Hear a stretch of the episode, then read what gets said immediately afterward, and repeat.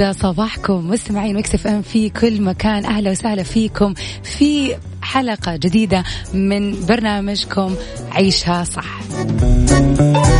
اليوم راح أكون معاكم أنا غدير الشهري بالنيابة عن زميلتي الجميلة أميرة العباس لمدة ثلاثة ساعات من الساعة العاشرة إلى الواحدة ظهرا في برنامج عيشة صح اللي متعودين دائما فيه. نشارك آخر الأخبار والأشياء المتعلقة بال lifestyle وال beauty وال tips وطبعا موضوع شيق للنقاش. وزي ما إحنا متعودين في ساعتنا الأولى راح نشارك أخبار طريفة حول العالم. أول أخبارنا اليوم الغذاء والدواء بتوافق على استخدام لقاح فايزر بالمملكة. وحنتعرف على تفاصيل الخبر أكثر. جورج كلوني وبن أفلك في فيلم جديد. يا ترى كيف حيكون شكل هذا الفيلم؟ وأخيرا كرسي من الكمامات. وكيف بيصير الريسايكلينج والتدوير في زمن الكورونا؟ صارت بالكمامات. طبعا مستمعين أحب أذكركم بأرقام التواصل. تقدروا تكلمونا على الواتساب على رقم صفر خمسة أربعة ثمانية, ثمانية واحد, واحد سبعة صفر صفر. أتمنى لكم نهار سعيد إذا كنت أو كنت بتسمعوني الآن في السيارة متجهين على العمل أو رايحين تقضوا مشوار أو رايحين تسووا أي شيء. إن شاء الله مشوار خفيف يعني. الجو أتوقع حلو الآن فحلو الواحد حتى ياخذ لفة. أتمنى لكم نهار سعيد وإن شاء الله حيكون أحلى معانا هنا على Mix FM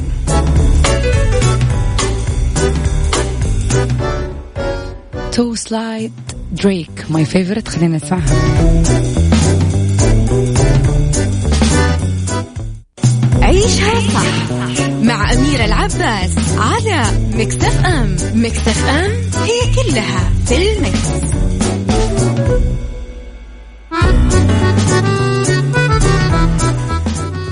يسعد صباحكم مستمعين Mix FM في كل مكان ونبتدي برنامج عيشها صح اليوم بأول أخبارنا. هيئة الدواء والغذاء بتوافق على استخدام لقاح فايزر بيونتك بالمملكة.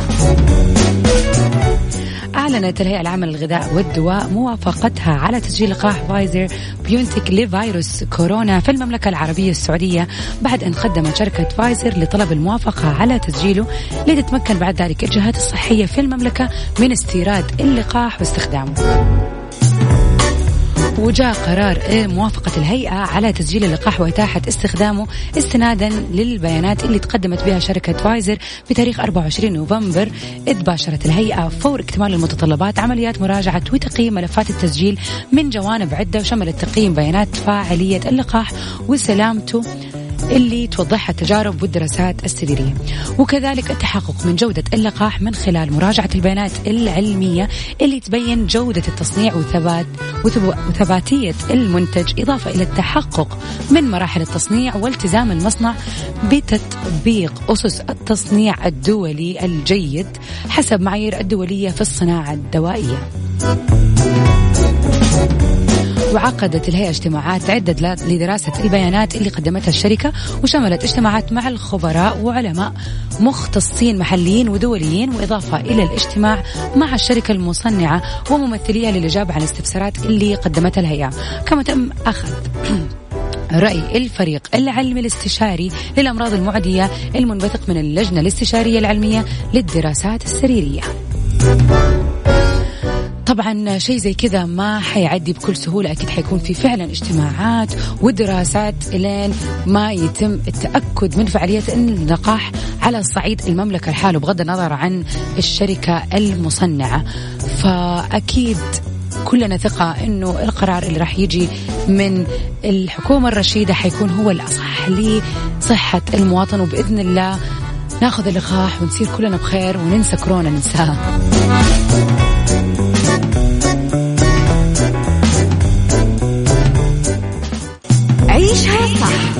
مع أميرة العباس على مكتف أم مكتف أم هي كلها في ال mix.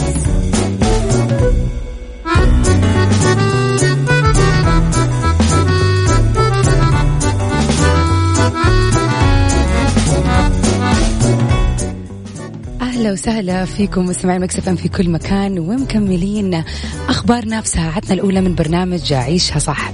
جورج كلوني وبن افليك في فيلم جديد.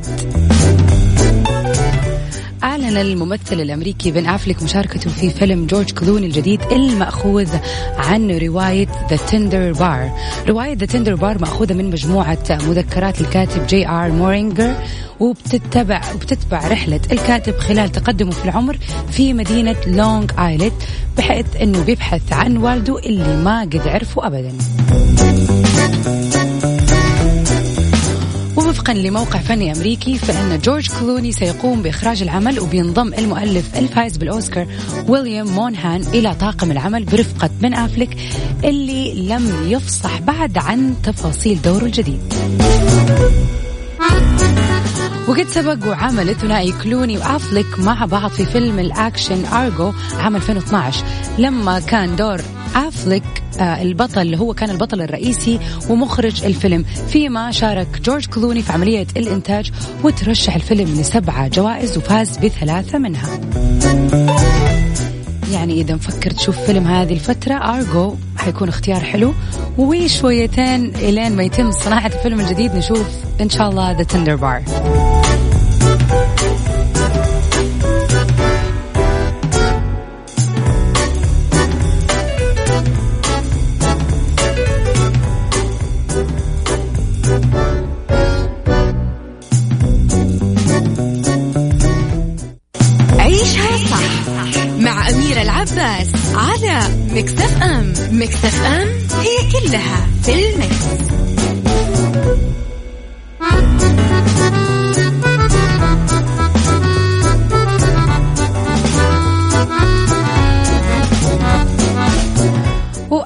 وسهلا فيكم مستمعين Mix FM في كل مكان ومكملين ساعتنا الأولى وفي آخر أخبارنا لهذه الساعة.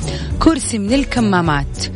كيف صار ال recycling أو التدوير في زمن الكورونا؟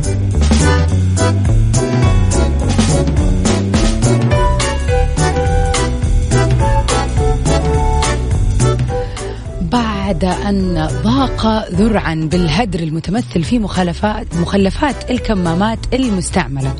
قرر طالب كوري جنوبي استخدام الكمامات المستعملة في تصنيع الأثاث. واستخدم الشاب الكمامات المصنوعة من البولي بورلين وصهرها لصنع مقاعد. وقال الطالب البالغ من عمر 23 عام البلاستيك قابل لإعادة التدوير. إذا لماذا لا نعيد تدوير الكمامات المصنوعة من البلاستيك؟ ووضع الطالب صندوق لجمع الكمامات في جامعة مدينة وانغ جنوب العاصمة. وجمع منذ ذلك الحين عشرة آلاف كمامة مستعملة. وحصل أيضا على أكثر من طن من الكمامات المعيبة في الصنع.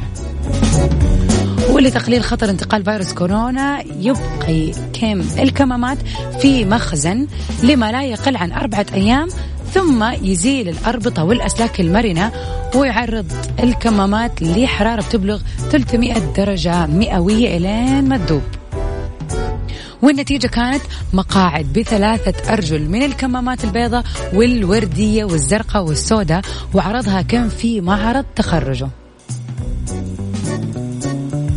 وبينوي كم صنع قطع أخرى من الأثاث من الكمامات مثل مقعد بمسندين وطاولة أو بعض من قطع الإضاءة.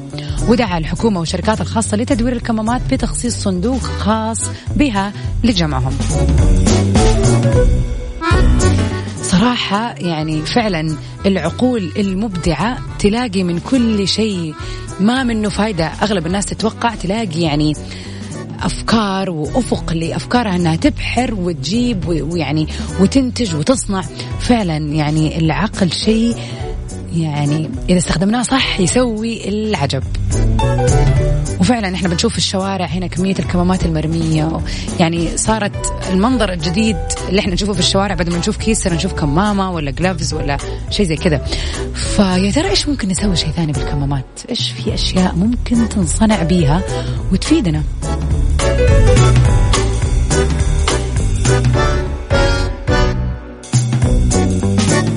عيشها صح مع أميرة العباس على مكتف أم مكتف أم هي كلها في ال mix.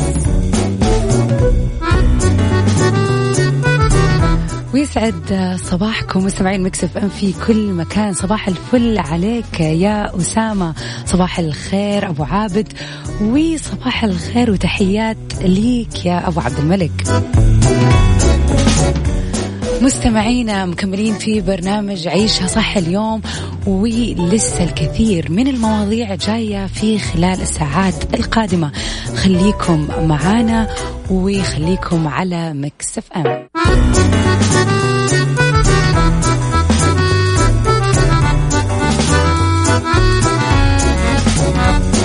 تعال وعيش حياتك عوض كل شي فاتك عيش أجمل حياة بأسلوب جديد. دوامك أو في بيتك حتلاقي شي يفيدك وحياتك إيه راح تتغير أكيد. رشاق ويتوكيت أنا قف كل بيت.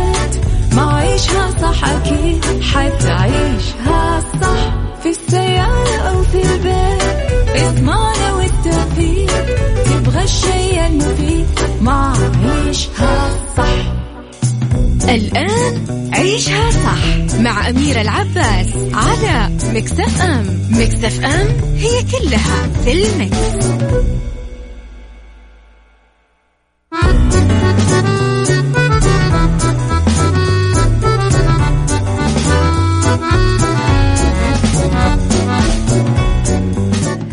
وسهلا فيكم مستمعين Mix FM في كل مكان ومكملين في ساعتنا الثانية من برنامج عيشها صح اليوم معاكم أنا غدير الشهري بالنيابة عن زميلتي أميرة العباس ونبدأ ساعتنا الثانية بنقاشنا لليوم. بتعد تعد الكتابة عن واقع وتأثير مواقع التواصل الاجتماعي في حياة الإنسان مادة دسمة وجذابة لكل الكتاب والمثقفين والإعلاميين والمتخصصين. لأنها أصبحت جزء لا يتجزأ من تفاصيل كل مجتمعات وشعوب ودول العالم. فهي الآن بتهيمن وبتوجه السلوك والمزاج الجمعي وكمان بتأثر في الفكر والرأي العالمي. سؤالنا لليوم. هل تعكس منصات وشبكات التواصل الاجتماعي مثل تويتر سناب شات إنستغرام واقع الناس من حولنا ولا لا؟ أبغاك عزيزي المستمع تفكر شوية ويعني تاخذ لك دقيقة تشوف وتقيم ال social media من حواليك هل فعلا الأشخاص بالذات طبعا في ناس كثير في ال social media إحنا ما نعرفهم بتكون مجرد ناس يعني نعرفهم في الأونلاين زي ما يقولوا في العالم الافتراضي. ولكن خلينا نتكلم عن الناس اللي أنت تعرفهم وتعرفهم شخصيا. هل ال social media بتمثل واقعهم أو لا؟ فعلا الناس بتتغير ويعني بيكون شخصيتها الافتراضية مختلفة. وليش ترجحوا هذا الشيء صاير إذا كان فعلا شخصياتهم مختلفة؟ مستمعينا تقدروا تتواصلوا معنا على صفر خمسة أربعة ثمانية, ثمانية واحد, واحد سبعة صفر صفر في انتظار تعليقاتكم على موضوعنا. هل السوشيال ميديا فعلا بتخلي الناس اللي نعرفها آه، غير؟ أم أنه أغلب الناس فعلا ما بتتقمص شخصيات ثانية وبتكون زي ما هي وعلى طبيعتها؟ أسعد الله صباحك يا أم مازن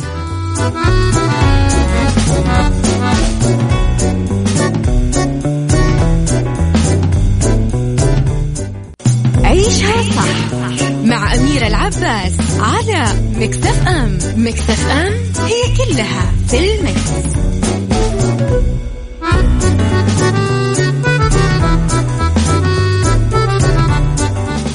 يسعد صباحكم في كل مكان مستمعينا ومكملين في ساعتنا الثانية من برنامج عيشها صح وموضوعنا للنقاش اليوم. هل بتعكس منصات وشبكات التواصل الاجتماعي زي تويتر سناب شات وإنستغرام واقع الناس اللي نعرفهم شخصيا من حولنا ولا لا؟ وبنشوف شخصيات مختلفة عن الناس اللي نعرفها في حياتنا الواقعية. أبو عبد الملك بيقول بالنسبة لعالم الافتراضي على وسائل التواصل الاجتماعي هو حقيقي 100% والناس اللي حولي حقيقيين 100%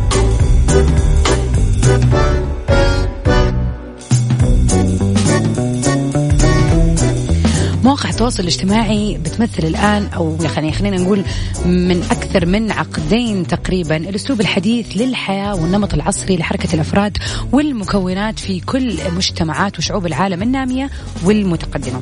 شبكات التواصل الاجتماعي هي الشرفة الكبيرة والعالية اللي بتطل منها وإليها الأفكار والآراء والمعارف والأدب والفنون والثقافات وهي الآن اللي بتقود وبتتحكم في حركة ونهضة المجتمعات والشعوب في كل العالم والأرقام والإحصائيات والنسب الفلكية لعدد مستخدمي مواقع التواصل الاجتماعي في كل أنحاء العالم صادمة ومرعبة وبتأكد بأنه بدون شك إنه هذه الوسائل والوسائط الاجتماعية والإنترنت بشكل عام هي الشغل الشاغل لكل البشر بمختلف أشكالهم ومستوياتهم خاصة الأطفال والشباب اللي بيستخدموا هذه المنصات والتطبيقات بشراهة وإدمان. فسؤالنا لليوم هل بتعكس مواقع التواصل الاجتماعي واقع هذا المجتمع أم لا؟ طبعا بنشوف على مر السنين من عشر سنين من 2010 من 2000 يعني خلينا نقول 8 و9 و10 إلى الآن ال ال خلينا نقول القفزة في عدد المستخدمين وكيف كان أول ال social media شيء غريب مو كل أحد ينزله وما حد مستوعب طريقة الاستعمال ولكن الآن صار الشيء اللي كل يوم بنسويه وندخل عليه ونكتب آراءنا ولا حتى من غير ما نكتب ممكن بس نتصفح من خلاله زيه زي إن إحنا نشرب قهوة كل يوم أو حتى نشرب موية. صار شيء جدا مهم. فهل أنت شايف نفسك بتعكس واقعك من خلاله؟ أو شايف أنه المجتمع بشكل عام بينعكس واقعه من خلال ال social media ولا لا؟ هل المجتمع السعودي مثلا بينعكس واقعه من خلال تويتر؟ هل المجتمع المصري مثلا بينعكس واقعه من خلال الفيسبوك؟ على حسب طبعا باختلاف المنصات في كل دولة وإيش أكثرها استخداما. شاركنا رأيك على صفر خمسة أربعة ثمانية, واحد, واحد سبعة صفر صفر.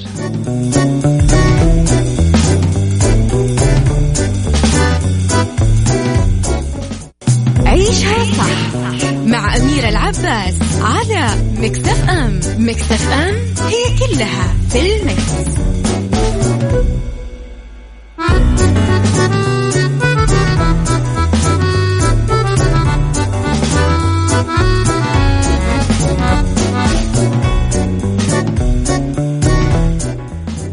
ومكملين نقاشنا وموضوع نقاشنا لليوم في برنامج عيشها صح. هل بتعكس منصات وشبكات التواصل الاجتماعي واقع الناس من حولنا أو واقع المجتمع بشكل عام؟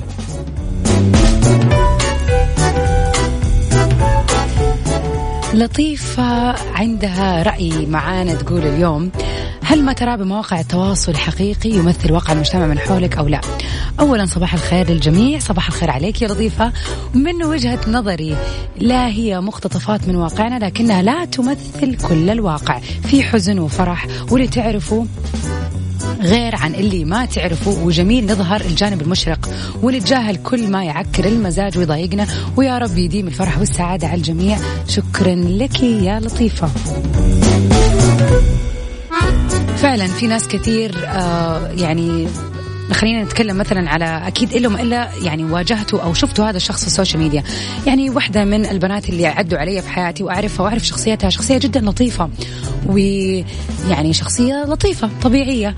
ولكن في من خلال متابعتي لها في ال social media كنت ألاحظ إنه في جانب ثاني أنا ما أعرف عن هذه البنت. طالع. يعني كانت شوية خلينا نقول كئيبة أو كل التغريدات أو الصور اللي تحطها أو شيء زي كذا بيكون متعلق بالجرح وبالحزن بالحزن وال, وال يعني المشاعر خلينا نقول الحزينة. يعني ما بقول سلبية بس يعني ممكن حزينة. ففعلا أحيانا في جوانب في الناس ما نعرفها وبتظهر في ال social media. وفي المقابل العكس صحيح بنلاقي شخصيات كثيرة بتكون حياتها فيها الكثير من المآسي خلينا نقول أو فيها حزن أو ما بتكون حياتهم جدا سعيدة. ولكن في ال social media بيحطوا اشياء سعيدة ومبهجة وهكذا. ففعلا إحنا ممكن في ال social media نطلع الجزء الثاني من شخصياتنا آه اللي ممكن أصلا يكون فعلا هو هذا الواقع. خلينا نقول مو هو هذا يعني مو هو هذا اللي ما نعرفه عن الشخص. يعني إحنا نقول هذا الشخص نعرفه ولكن طلعنا ما نعرفه لأنه في ال social media بيتكلم بشكل مختلف تماما. ففعلا ال social media ممكن تكون خداعة شوية ممكن تظهر الناس بالطريقة اللي هم يبغوا يكونوا فيها أو بالعكس تمام. بتكون المنصة اللي تبين كل شيء في قلوبهم. ففعلا السؤال أنا بالنسبة لي أحسه سؤال ما أقدر أقول إيوة بتظهر الواقع أو لا ما بتظهر الواقع تماما. على حسب كل شخص والطريقة اللي حابب يستخدم فيها هذه الوسائل. مستمعينا في كل مكان يهمني أسمع رأيكم على صفر خمسة أربعة ثمانية, ثمانية واحد, واحد سبعة صفر صفر. هل السوشيال ميديا فعلا بتعبر عن المجتمع والناس من حولنا أم أنه ممكن تكون خداعة؟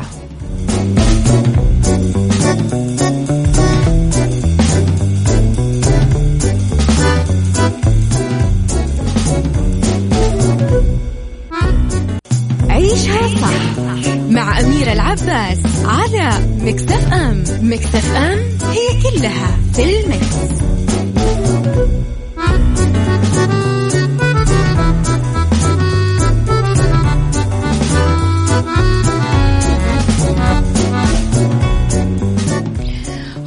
أكثر من خمسة مليارات من سكان العالم اللي بات قريبا من 8 مليارات نسمة يستخدموا الإنترنت وخاصة مواقع وشبكات التواصل الاجتماعي والأمر طبعا في ازدياد ملحوظ. وفي المجتمع السعودي اللي بيعد من أكثر المجتمعات ولعا وشغفا بهذه المنصات المنصات والشبكات الاجتماعية بيستخدمها 70% من السكان وأغلبيتهم الساحقة بتكون من الأطفال والشباب والمدة تصل لثلاث ساعات في اليوم.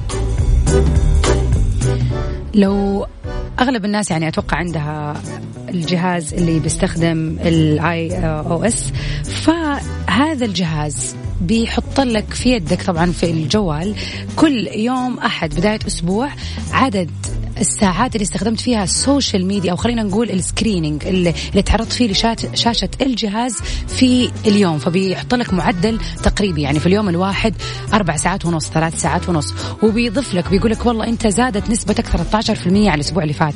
هذه الأشياء بتخلينا نراقب مدى تعرضنا لل social media لأنه في الأغلب إحنا بنمسك الجوال غير إنه message مثلا أو اتصال لل social media فهذه وسيلة مراقبة للذات مهمة لأنه أحيانا بيعدي الموضوع أكثر أكثر من ثلاث ساعات. بيتصدر اليوتيوب التطبيقات والشبكات الاجتماعية لأنه الأكثر زيارة في المجتمع السعودي بأرقام ونسب قياسية وفلكية. بعد كذا بتيجي بقية المنصات كتويتر واتساب سناب شات والانستغرام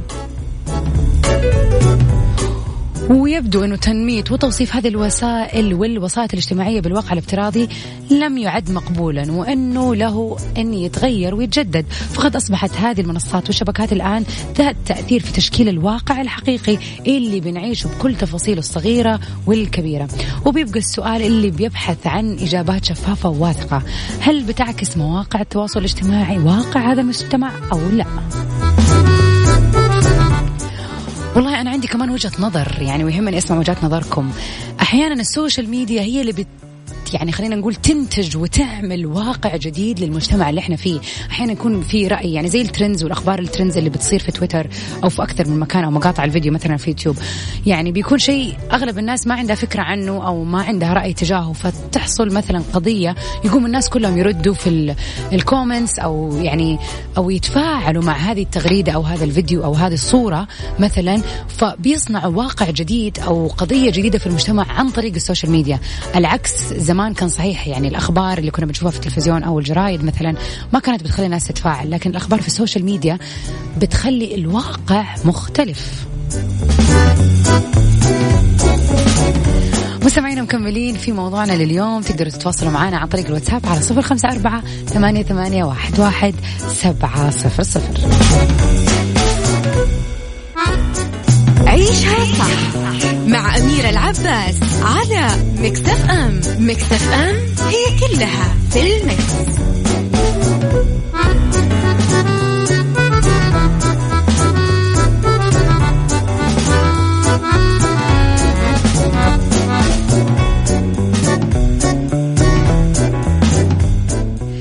وفي فقرة Mix Kitchen اليوم تتبيلة دجاج مشوي على الفحم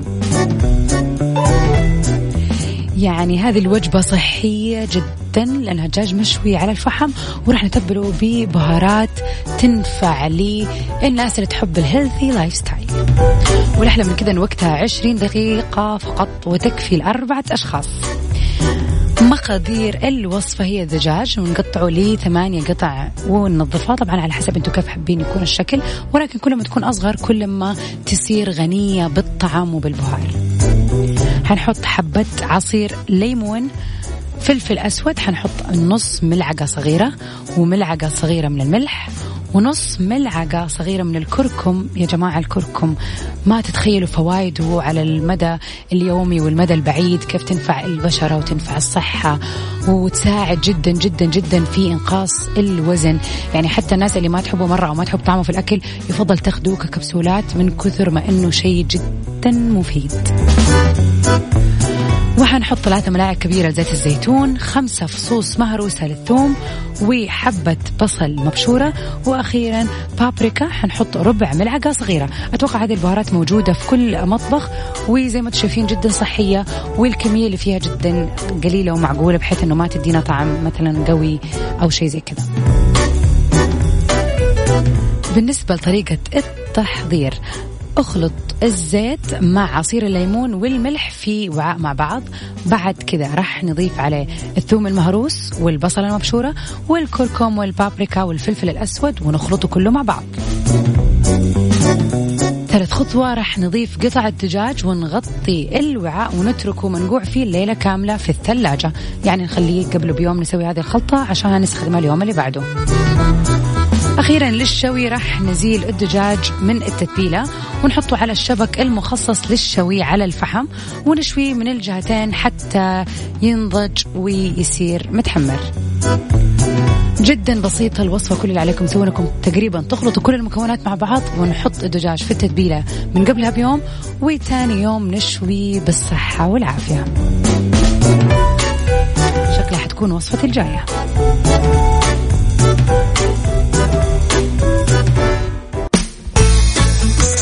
سايكولوجي مع أميرة العباس في عيشها صح على Mix FM Mix FM it's all in the mix.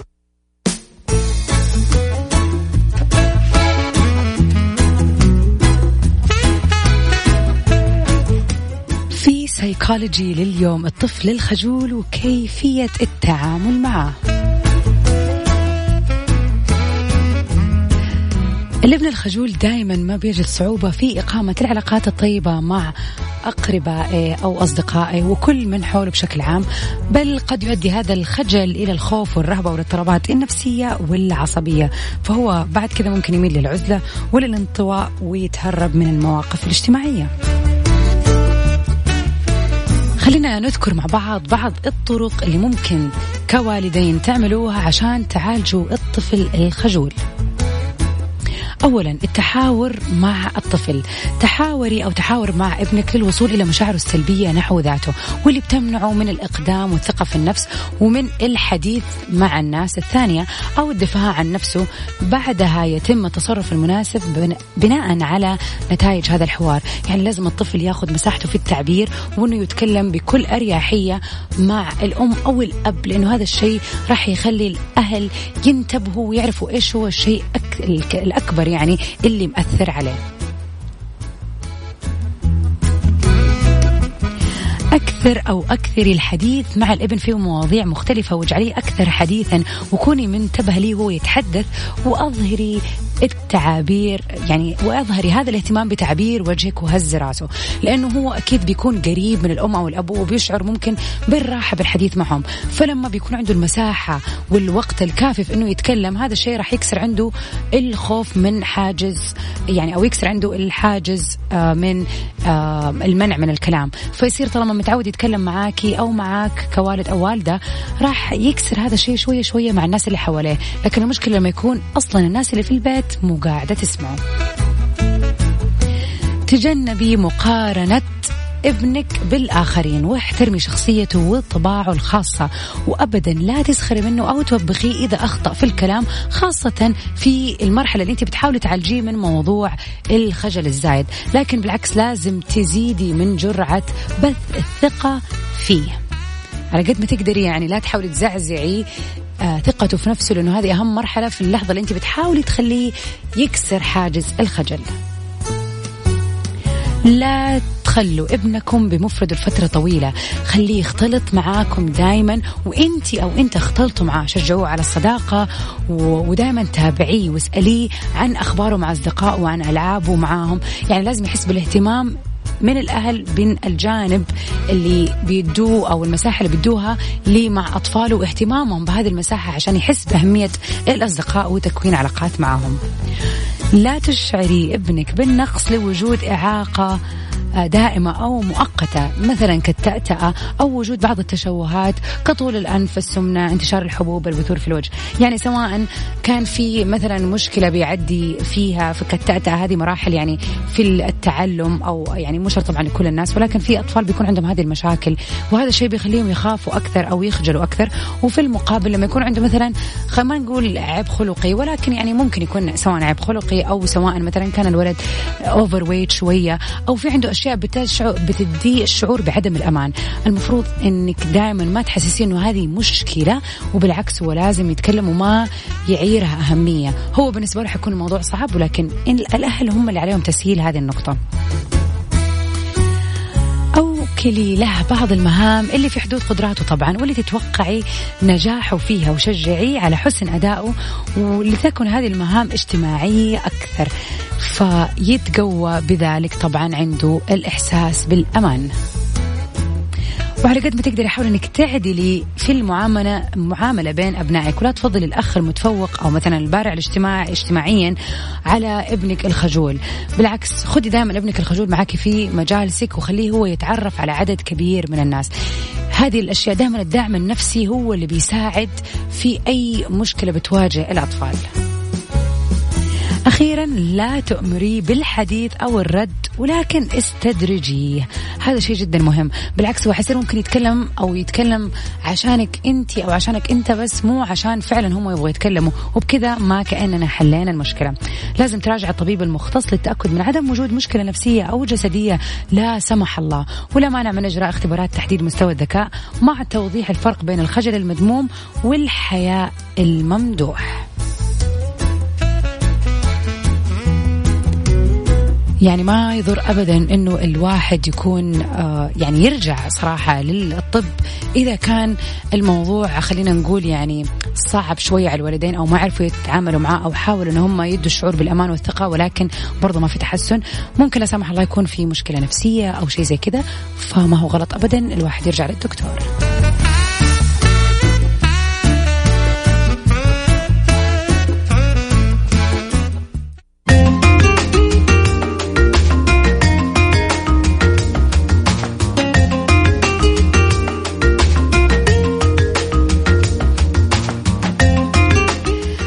وبالدنيا صحتك.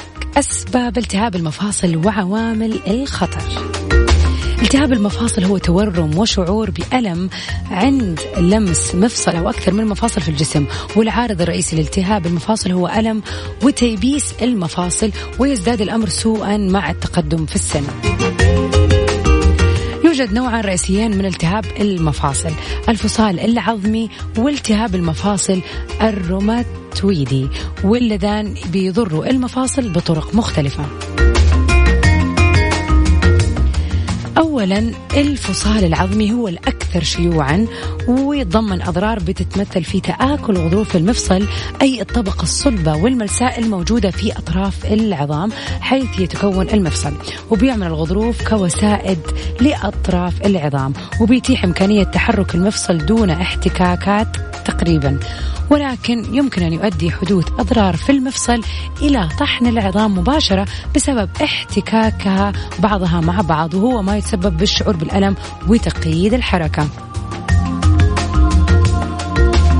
هذا هو النوع الأول وأتوقع هو النوع ال ال السائد زي ما يقولوا أو الشائع. بالنسبة للنوع الثاني التهاب المفاصل الروماتويدي.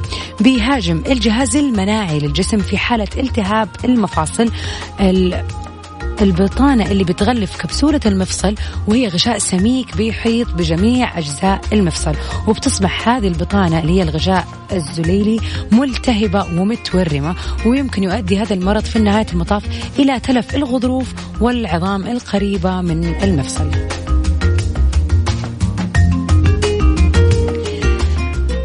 نشارك مع بعض عوامل خطر الإصابة بالتهاب المفاصل. بالنسبة للتاريخ العائلي لازم الواحد يكون حاطط في باله أنه بتنتشر بعض أنواع التهاب المفاصل بين أفراد العائلة. لذا قد يتطور التهاب المفاصل لدى الشخص إذا كان أبوه أو إخوته لديهم تلك الاضطرابات. يعني إذا لا سمح الله أنت تعرف أنه في العائلة في هذه الحالات لازم تكون بدراية على الموضوع وتابع مع دكتور بشكل دوري عشان تتجنب هذه الالتهابات.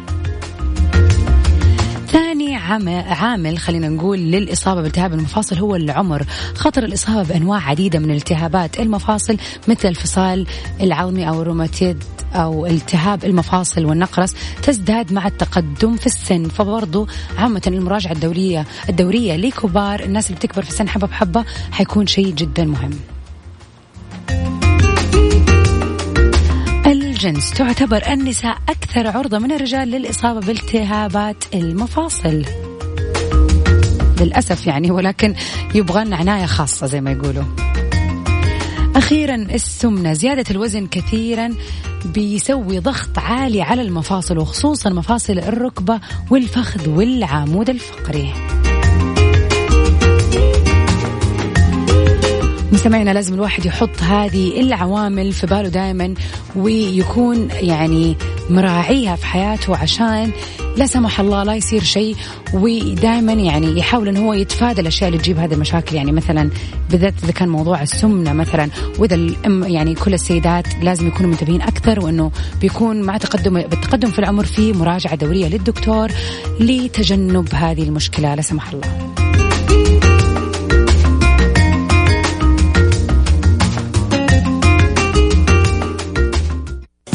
عيشها صح مع أميرة العباس على Mix FM Mix FM هي كلها في ال mix. وبكذا مستمعينا نكون وصلنا لنهاية حلقتنا اليوم. برنامج عيشها صح. كنت معكم أنا غدير الشهري لمدة ثلاث ساعات جميلة وإن شاء الله أنه نكون غيرنا جوكم وغيرنا عليكم mood الصباح. أتمنى لكم يوم جميل ونهار سعيد.